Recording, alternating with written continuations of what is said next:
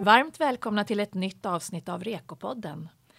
Dagens ämne är intäkter, eller kanske snarare varför det är så svårt att veta när intäkter ska redovisas och hur man ska tänka kring intäkter och redovisning.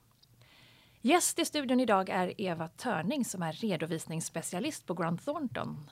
Välkommen till Rekopodden Eva. Tack så hemskt mycket. Och det är inte första gången du är här. Vilken, vilken gång i ordningen är det? Det är tydligen sjätte gången. Oj. Lika roligt varje gång. Du är inte bara rutinerad redovisningsspecialist utan rutinerad poddare. Mm. Ja. Och eh, jag har också med mig Camilla Karlsson som är redovisningskonsult eh, på FAR. Välkommen du också Camilla. Tack så mycket. Och jag som leder samtalet heter Pernilla Halling och är kommunikationschef på FAR. Intäkt är ju en viktig post i bolagets resultaträkning och förhoppningsvis den största posten. Den är också viktig i ett hållbarhetsperspektiv. Och det är en post som inte alltid är så lätt att få rätt. Så vad är då en intäkt? Och varför är det så svårt att veta när en intäkt ska redovisas? Frågorna är många och vi hoppas att vi ska kunna räta ut några av frågetecknen här idag. Jag vill nämna att vi resonerar utifrån K2-regelverket som är skrivet utifrån företag som har så kallad okomplicerad verksamhet. Och K2 får bara tillämpas för mindre företag. Eva, varför, varför är det så viktigt att vi pratar om det här i den här podden idag? Kanske du kan börja med att berätta. Alltså vi ser ju lite för lättvindigt på intäkter. Alltså alldeles för ofta så, så ser vi, sätter vi likhetstecken mellan en kundfaktura och intäktsredovisning. Och jag brukar säga att eh, vi ska inte tänka moms när vi tänker intäktsredovisning. För eh, det är väl så eh, Camilla, det är väl fakturan som triggar moms? Ja, visst är det. Och då vill vi ju gärna att momsredovisningen ska stämma överens med intäktskontot. Mm, och det är ofta så man tänker när man kanske redovisar, man tar det lite för lättvindigt precis som du nämnde. Mm. Så därför som redovisningskonsulter och revisorer så måste vi alltid tänka till så att vi redovisar intäkterna rätt. Och eh, en, ett, en grundläggande förutsättning i det här det är att vi förstår kundens verksamhet och hur man genererar sina intäkter. För om vi inte förstår kundens verksamhet då kan vi heller inte göra en bedömning om när intäktsredovisning ska göras. Så här är det ju viktigt att be kunden att berätta om sin verksamhet. Vad är det du håller på med? Vad är det som genererar intäkter? Vad behöver du göra för att få dina intäkter? Oavsett när man fakturerar. För då kan vi, då kan vi förstå att en faktura är ett förskott och inte, inte en intäkt. Eh, jag är väldigt tjatig. Jag säger alltid läs avtal. Det ska vi alltid göra. Eh, men det finns också allmänna villkor för branschen som man måste ta ställning till. För de styr ju också intäktsredovisningen ibland. Och eh, i övrigt vara frågvis och eh, som vi alltid är. Vi är lite nyfikna och det ska vi vara med all rätt. Så ge inte upp förrän du förstår verksamheten. För brist på förståelse är, är ofta en, en orsak till att intäktsredovisningen blir fel. Det här med att förstå kundens verksamhet, Camilla, kan man få någon vägledning i REKO? Ja, jag blir så jätteglad att du faktiskt lyfter det här ur ett intäktsperspektiv också, för just det här förståelse av kundens verksamhet är ju en viktig del i redovisningskonsultens jobb. Vi måste ju faktiskt förstå deras verksamhet för att kunna sköta redovisningen. Och det här är ju ett ska-krav som vi har i REKO, så det här kan vi ju, måste vi alltid tillämpa. Och eh, vi får ju faktiskt inte glömma bort att dokumentera förståelse av kundens verksamhet. Nej. Eva, jag tror att det är bra om vi kanske reder ut vad, vad är en intäkt och när blir inkomsten en intäkt? Här brukar jag ju säga att K2 är absolut genialiskt. För K2 talar om precis hur vi ska tänka. K2 säger då att först uppstår en inkomst. Och det gör jag. Jag utför en tjänst, jag säljer en vara och jag genererar en faktura. Då uppstår ju inkomsten. Sen är ju nästa fråga, när blir den här inkomsten en intäkt? Och det är ju en, det är en bedömning och den kommer då som steg två. Kan jag ta intäkten med en gång? Ska jag periodisera den? Är det ett förskott? Eller vad är den här fakturan för någonting? Så jag tycker K2 har en väldigt bra systematik i hur jag tänker. Sen är det ju frågan om periodisering av intäkter också. Där kommer ju redan bokföringslagen in. För bokföringslagen har ju bestämmelser om bokslutstransaktioner. Och där ska man ju periodisera eh, intäkter och kostnader så att de hänförs till rätt år. Eh, och är det så att det är stora slag så behöver man ju titta på det månadsvis också för att kunna följa förloppet. Eh, så att eh, i, i, många fall så är det ju att vi faktiskt måste titta på intäkterna varje månad för att kunna följa förloppet och se hur det fakt vad, vad som faktiskt händer. Till exempel om vi, vi kommer återkomma till det, men om vi fakturerar kvartalsvis. Kan du kanske ge några exempel på när inkomsten och intäkten skiljer sig åt? Ett väldigt vanligt exempel är ju olika typer av prenumerationstjänster. Eh, det kan vara att jag prenumererar på en tidning eller bevakning och då fakturerar jag i förskott. Eh, men då har jag ju inte intäkten i förskott. Om jag till exempel gym är ju också ett vanligt exempel. Jag fakturerar i december. Ehm, jag har kostnader under hela året. Eh, har jag då tjänat in min intäkt i december när jag genererar fakturan? Nej, det har jag inte för jag måste hålla gymmet öppet i 12 månader. Eh, och då måste jag ju periodisera ut min intäkt. Så att bara för att man har genererat den här fakturan så är, har man inte någon intäkt utan man har ett förskott. Så att man får kreditera kontot för förskott och så får man lyfta det här månadsvis eh, under hela löptiden för den här betalningen. Om det nu är ett år eller kvartal eller halvår. Och det här är väl också ett så typiskt sätt att man verkligen förstår verksamheten. Om vi ska komma in på det igen. Att jag menar, jag måste ju veta vad, vilket företag jag redovisar för om jag hjälper till med bolagets redovisning.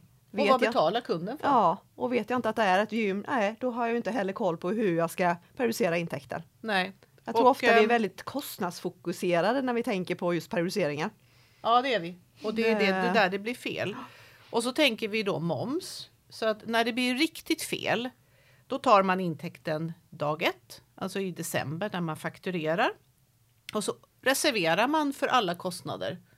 Ja, vad händer då? Ja, du har en för hög intäkt. Den är i och för sig rätt momsmässigt, tror jag, eftersom det är oftast den här typen är oftast en sån här enfunktion eh, som man momsar direkt. Eh, jaha, så reserverar du alla kostnader. Vad händer då? Jo, då har du reserverat för framtida utgifter, inte tillåtet enligt årsredovisningslagen. Eh, ej avdragsgill kostnad skattemässigt. Så att det blir liksom fel överallt istället för att utgå ifrån när tjänar jag in intäkten för då blir det rätt och dessutom är ju intäkter det kopplade området. Så att där har ju även skattemässigt har vi ju kravet att vi måste intäktsredovisa enligt god redovisningssed och gör vi det då följer beskattningen med. Man pratar ju också mycket om det här att vi ska intäktsföra till det verkliga värdet om vi till exempel har rabatter på någonting, att vi ska beakta det också på en gång. Vad säger du om det Eva? Ja, och det här är ju sånt där också sån där paradnummer som vi har när vi kör kurs i K2 du och jag.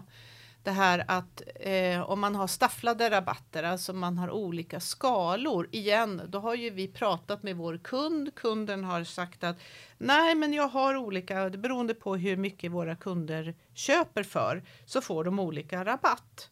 Eh, om vi då säger att vi har en, ett, eh, ett företag som har inköp ifrån, som säljer till en kund Eh, och det är stafflade rabattskalor så det är liksom 0 upp till 10 procent. Och så pratar du med din kund och så säger kunden nej men jag tror att, jag tror att den här kunden kommer landa på en rabattsats på 3 procent. Då dokumenterar vi det och säger okej, okay, men då blir ju det en del av vår räkenskapsinformation och vår dokumentation enligt REKO. Ja, då ställer kund, din kund ut en faktura då på det här företaget på 10 000 har jag då en intäkt på 10 000, till exempel att man har levererat varor? Nej, det har jag ju inte för att jag har ju faktiskt en, eh, en beräknad rabatt på 3% Så intäkten är ju 10 000 minus den här rabatten på 300, vilket är 9 700. Så de här 300 då som är den här beräknade bonusen eller beräknade rabatten, det blir ju någon typ av förskott för jag får ju in pengarna så att det är inte tillåtet att ta hela intäkten bara för att det är det jag fakturerar om jag har ett avtal med kunden som säger att kunden ska få en rabatt. Men där är det ju också viktigt att man kanske gör en avstämning efter halvåret och går till kunden och säger men du Är det fortfarande 3% eller har det ökat? Nej, men den här kunden har ökat sin verksamhet jättemycket under året. Så nu tror jag, nu, nu blir det nog någonstans kanske 7% eller 10% rabatt. Ja, men då får vi göra en, en ändring. Eh, och då blir ju naturligtvis följdfrågan då, om jag går tillbaka till den här 3% rabatten då. Eh, vad blir räkenskapsunderlag? Vad blir verifikationen? Ja, antingen så gör jag en notering på fakturan och säger att här har kunden arbetat upp en, en, ett, eh, en kredit på 300, en bonus eller rabatt. Eller så gör jag en bokföringsorder. Eh, ur bokföringslagens perspektiv så spelar inte det någon roll hur du gör, bara det finns en verifikation som talar om varför och då blir det ju verifikationen plus det här avtalet med kunden som blir räkenskapsinformation. Ja, och just den hänvisningen till avtalet är ju viktigt i det här sammanhanget. För det är ju faktiskt också underlag till redovisningen. Mm. Ja, alla de här avtalen mm. är, ju, är ju räkenskapsinformation. Så det här är ju en typ av schablon som vi använder i bokföringen. Och jag vill väl uppmana er där ute att vara inte rädda för att använda de här schablonerna. För de här schablonerna gör ju att redovisningen blir lite mera rätt. Annars så över, i det här fallet då, så överskattar man ju intäkterna. Och det gäller ju eh, å andra sidan även inköp då det andra företaget. De ska ju inte boka in sin, sin varukostnad till, till 10 000 utan det är ju 9 700 där också. Mm. För att de har en, en bonus som är på gång eller en rabatt då. Så bara för att man inte får rabatten på fakturan betyder inte att man inte ska ta hänsyn till den. Det står ju i K2 att intäkter värderas ju när man får intäkt i likvida medel till det som, som finns på fakturan. Ja, fakturan så står det 10 000 på, men sen så står det ju även avtal. Så faktura plus avtal ger 9700. Så stirra inte blinda på vad som står på fakturan för det säger inte K2. K2 säger att du även ska ta hänsyn till avtalet. Vi resonerar ju utifrån K2 då, men är det stor skillnad mellan K2 och K3? Nej, här är det ju det grundläggande väsentliga risker och förmåner. Eh, det står det i båda regelverken. Sen är ju K2 lite enklare för att det finns en hel del exempel på när de här väsentliga risker och förmånerna går över. Och där kan jag säga att där finns inte heller något motsatsförhållande. Det är bara det eftersom K3 är principbaserat så ger man ju inte de här eh, fantastiska rutorna med regler som K2 har. Vilka poster är det som ska ingå i nettoomsättningen och vilka i övriga rörelseintäkter? Ja, alltså det beror ju på vad som är primära och sekundära intäkter och det står ju väldigt tydligt i punkt 4.4 i K2, alltså de här uppställningsformerna. Och här kan man också, om man jobbar med K3, så kan man ju gå in och titta i redar 1 som innehåller de formella reglerna kring årsredovisning enligt K3. Ni vet att K3 innehåller ju inte speciellt mycket formella regler, så här har ju FAR, FAR gått in och hela tiden, eller varje år uppdaterar vi redar ettan för att hela tiden ha den ajour med med verkligheten. Och där har ni de formella reglerna kring, eh, kring en årsredovisning enligt, enligt K3 då.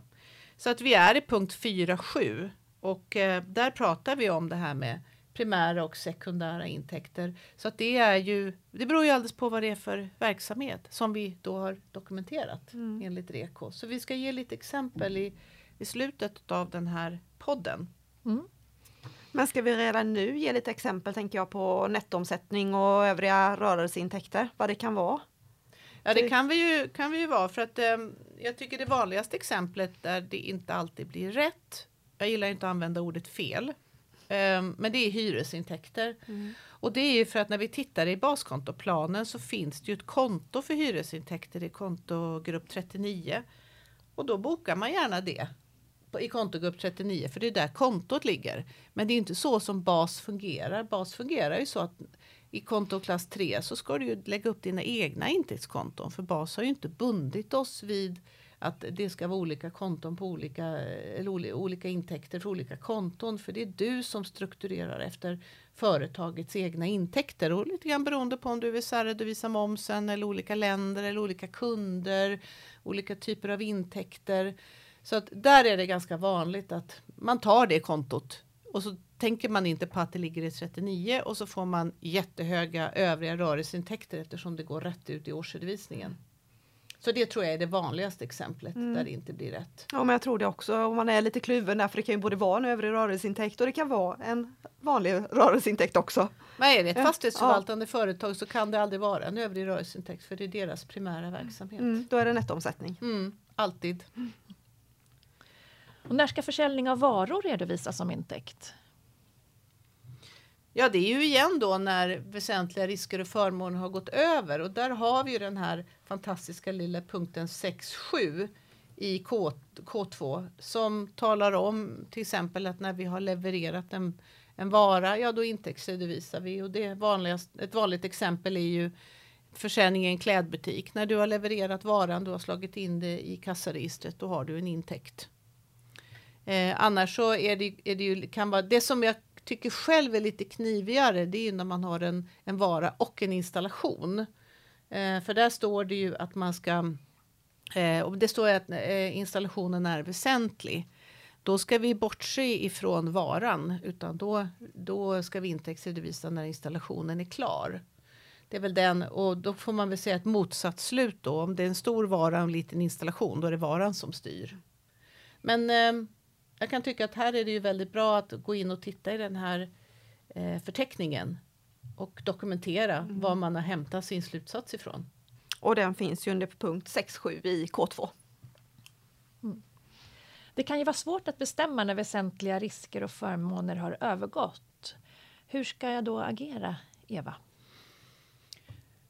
Ja, alltså grundregeln är ju att jag måste ha tillräcklig kunskap för att göra den bedömningen. Eh, och sen så går jag ju in i punkten 6.7. Men alla typer av intäkter eh, passar ju inte in där.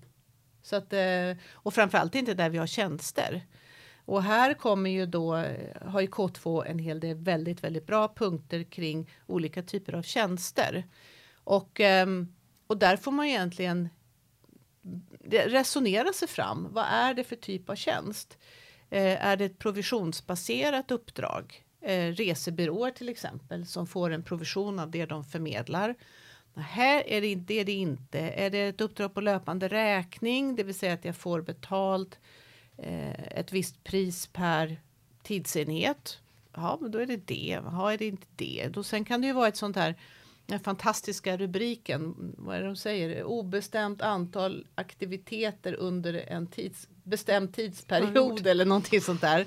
Ehm, ja, men då ska jag ju göra till exempel då utryckningar utav säker, larmföretag och sånt där. De vet inte hur många gånger de kommer att behöva rycka ut, men de har åtagit sig under en tidsperiod att göra det. Det är ganska många intäkter som fastnar där. Och är det inte det, då är det ett fastprisuppdrag. Så tänk på att fastprisuppdragen är ju en, man får säga en restkategori.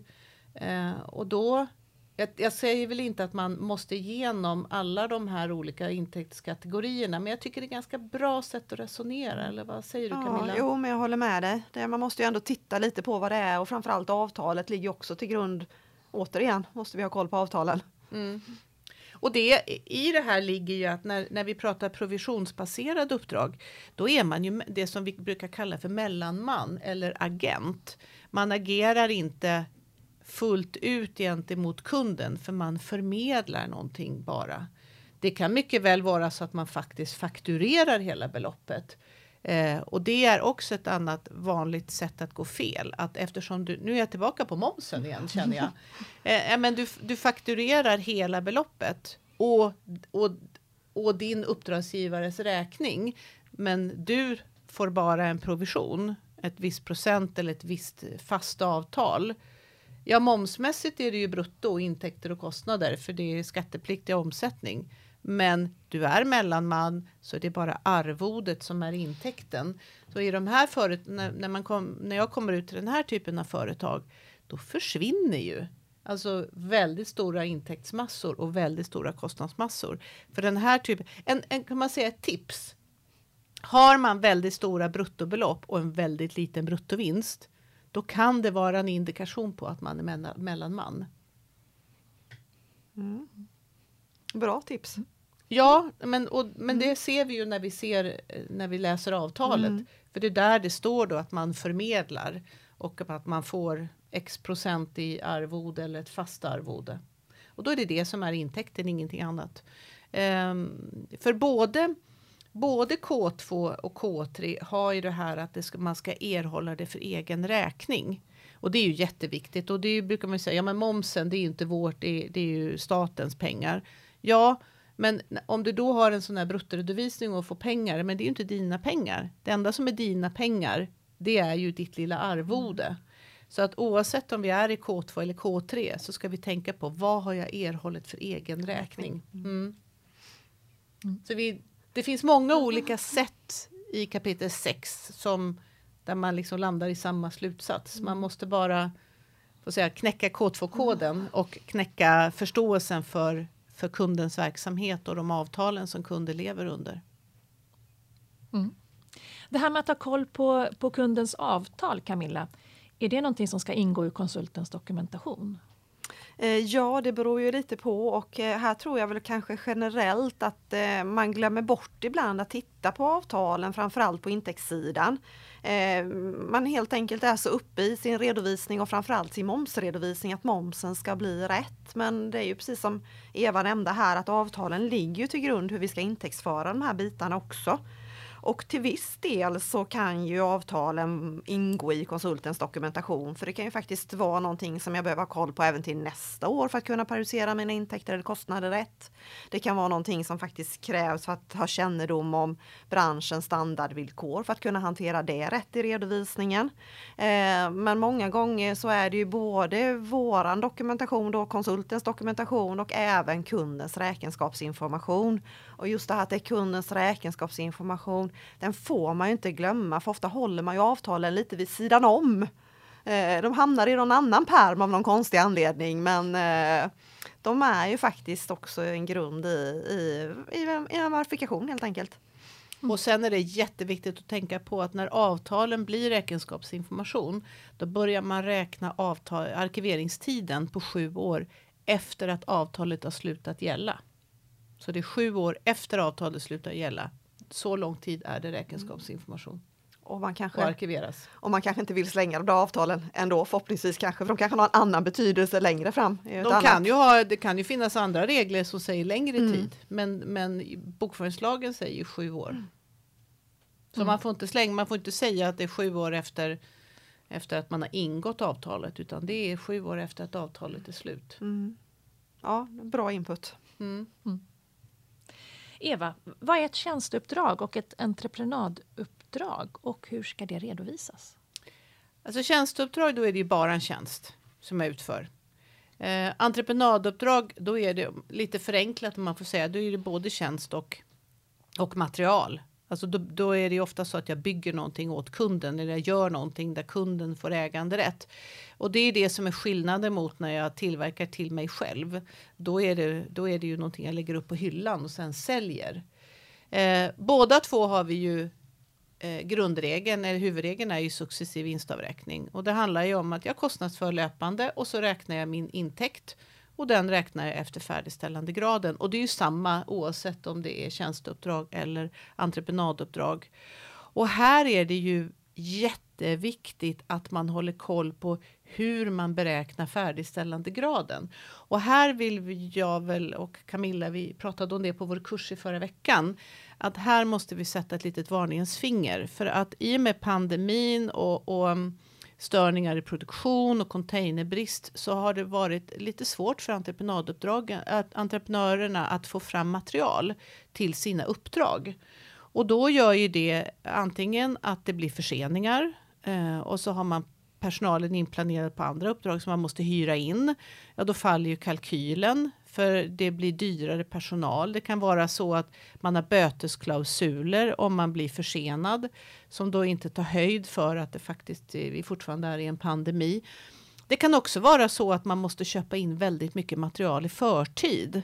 Och då måste man tänka på att har man inte tillfört uppdraget det här materialet, då är det råvaror under varulager och ska inte in i beräkningen utav färdigställande graden.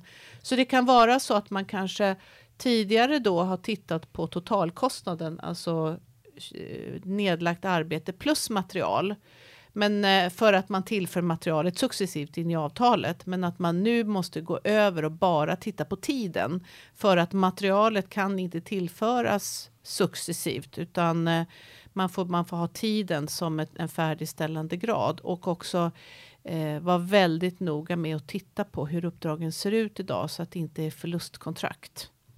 Och det här är ju någonting som, som inte som våra företagare inte kan styra över utan det är ju omvärlden som har gjort det här och det är ju det är alltid det är alltid väldigt viktigt när man jobbar med, med redovisning också att hålla koll på omvärlden. Du nämnde förlustkontrakt. Ska vi säga lite mer hur vi hanterar det i redovisningen direkt? Den ska ju kostnadsvaras på en gång, så är det en förlust så ska vi ta den direkt, så den får vi inte skjuta framför oss. Nej, och det är jätteviktigt och det är jätteviktigt att man bevakar också. Jobbar du med med företag med entreprenaduppdrag så framför allt. Tjänsteuppdragen är ju lite lättare, men entreprenaduppdragen är ju svårare eftersom man både har eh, timmar och material. Eh, men man måste bevaka detta så att det inte händer någonting stort och man hamnar i en kontrollbalansräkning. Mm. Jätteviktigt att man bevakar det mm. och inte bokar upp det här en gång om året, typ i april. Det, det här måste man bevaka löpande. Mm. Och hur, hur är det? Är det någon skillnad när det gäller uppdrag på löpande räkning och uppdrag till fast pris? Hur ska jag tänka där? Alltså där är ju, alltså uppdrag på löpande räkning är ju, om man får säga lite enklare. För där har jag ju ett avtal som säger att jag ska få en viss peng per tidsenhet. Eh, och där, så, så där är det ju bara att titta på vad, hur många timmar ni nedlagt eh, och sätta försäljningspriset på det. Eh, vad som är viktigt här är ju att man i bokslutet inte glömmer bort att boka upp den upplupna intäkten till försäljningspris. För att annars är vi ju, eh, gör vi inte det, då är vi ju i den här, vad hette den eh, Camilla, vad faktureringsmetoden mm. eller vad mm. hette den, alternativregeln? Ja. På, på, Alternativregler va? Ja, på uppdrag på löpande räkning och den är ju bara tillåten skattemässigt. Mm. Den är ju inte tillåten redovisningsmässigt. Så vi får inte glömma att boka upp den här upplupna intäkten. Så att vi ska ju egentligen ha in faktureringsunderlagen i samband med bokslutet och boka upp. Och använder vi den här alternativregeln så är det också viktigt att vi dokumenterar det och har koll på det hos kunden. För att jag menar, då hanterar vi det andra annorlunda skattemässigt. Mm. Ja. Mm. Och det här med kvittningsförbud, det är en av de grundläggande principerna. Eh, finns det några undantag eh, i K2 när ett företag får bryta mot förbudet? Alltså successiv vinstavräkning innebär ju en viss kvittning för att du, det är ju väldigt många som fakturerar förskott och då lägger man ju då det på kontot för, för förskott från kund. Men sen när man då redovisar årets upparbetade intäkt så drar man ju av det och då har man ju, då landar man ju posten fakturerat ej upparbetat eller upparbetat ej fakturerat och det finns ju två poster för det i uppställningsformen i K2 och då ska jag ju dra av det jag faktiskt har fakturerat. Så där blir det en kvittning. Men den posten i K2 innebär ju att det är en kvittning, så det förstår man när man ser den. Ni nämnde ju tidigare att K2 har bra hjälptabeller. Är det någonting särskilt då ni vill tipsa om? Mm. Ska vi börja och ta lite exempel här Eva, tänker jag. Mm. Mm. Eh, för som sagt var i 626 så har de ju det här fantastiska schemat här också där vi faktiskt kan få så jättebra hjälp hur vi ska hantera de här olika posterna. Eh, men jag tänker att vi börjar med lite hyra och eh, leasing. Hur ska jag redovisa den intäkten? Ja, det är ju jätte, jättebra skrivet för det är ju linjärt över hyrestiden, precis som vi kostnadsför linjärt. Mm. Eh, och det handlar ju om att om man då får en första förhöjd hyra så får man inte intäktsredovisa den utan den smetas ut över resterande hyrestid. Undantag hyresstödet nu under corona som eh, som man får, man får ta omedelbart. Men normalt så smetar man ut det så att man egentligen man ska få samma hyresintäkter varje år. under hyrestiden. Jag tänkte bara förtydliga det här när du sa det här med, med coronastödet och det allmänna rådet. Där är det ju viktigt att vi faktiskt talar om bland redovisningsprinciperna om vi inte smetar ut den här intäkten eller kostnaden. Eh, då använder vi ju redovisningsprincipen och det allmänna rådet 2020 kolon 1 heter det va? Mm. Så ska man säga att man tillämpar det. Ja, mm. precis. Eh, ska vi ta lite försäkringsersättningar då? Det händer ju faktiskt ibland att vi får lite ersättningar. Eh, får jag ta den intäkten direkt? Ja, där ska man ju vänta in ett besked.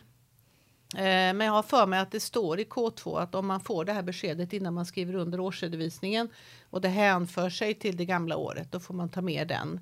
Och eh, här är det ju viktigt att tänka på att du intäktsför ju den delen av försäkringsersättningen som eh, som är hänförlig till utrangering. Men om vi har en fabriksbyggnad som har brunnit ner, då skriver vi ju bort den. Vi utrangerar ju den och då en del av försäkringsersättningen är ju för att täcka den utrangeringen, den nedskrivningen eller förlusten eller vad man nu vill kalla det. Och den intäktsredovisar jag ju med en gång resterande som, som har att göra med det här att bygga upp eller intäktsbortfall eller något sånt där. Det, må, det får jag vänta med och göra en bedömning senare.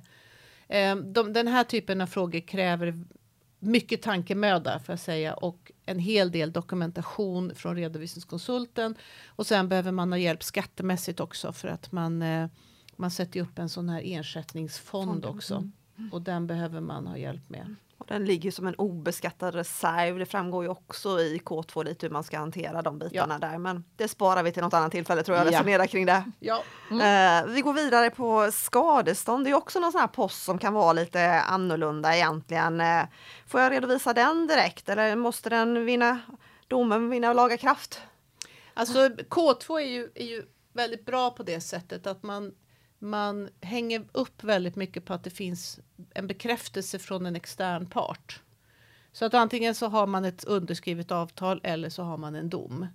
Eh, och, det är, då, och det är väldigt om man får säga lätt för redovisningskonsulten eller revisorn. För då ser man att ja, men nu, nu har domen vunnit laga kraft. Inte att den, för det är ju en viss tid som måste gå innan den vinner laga kraft. Det vill säga att ingen ska ha, eh, ska ha överklagat domen.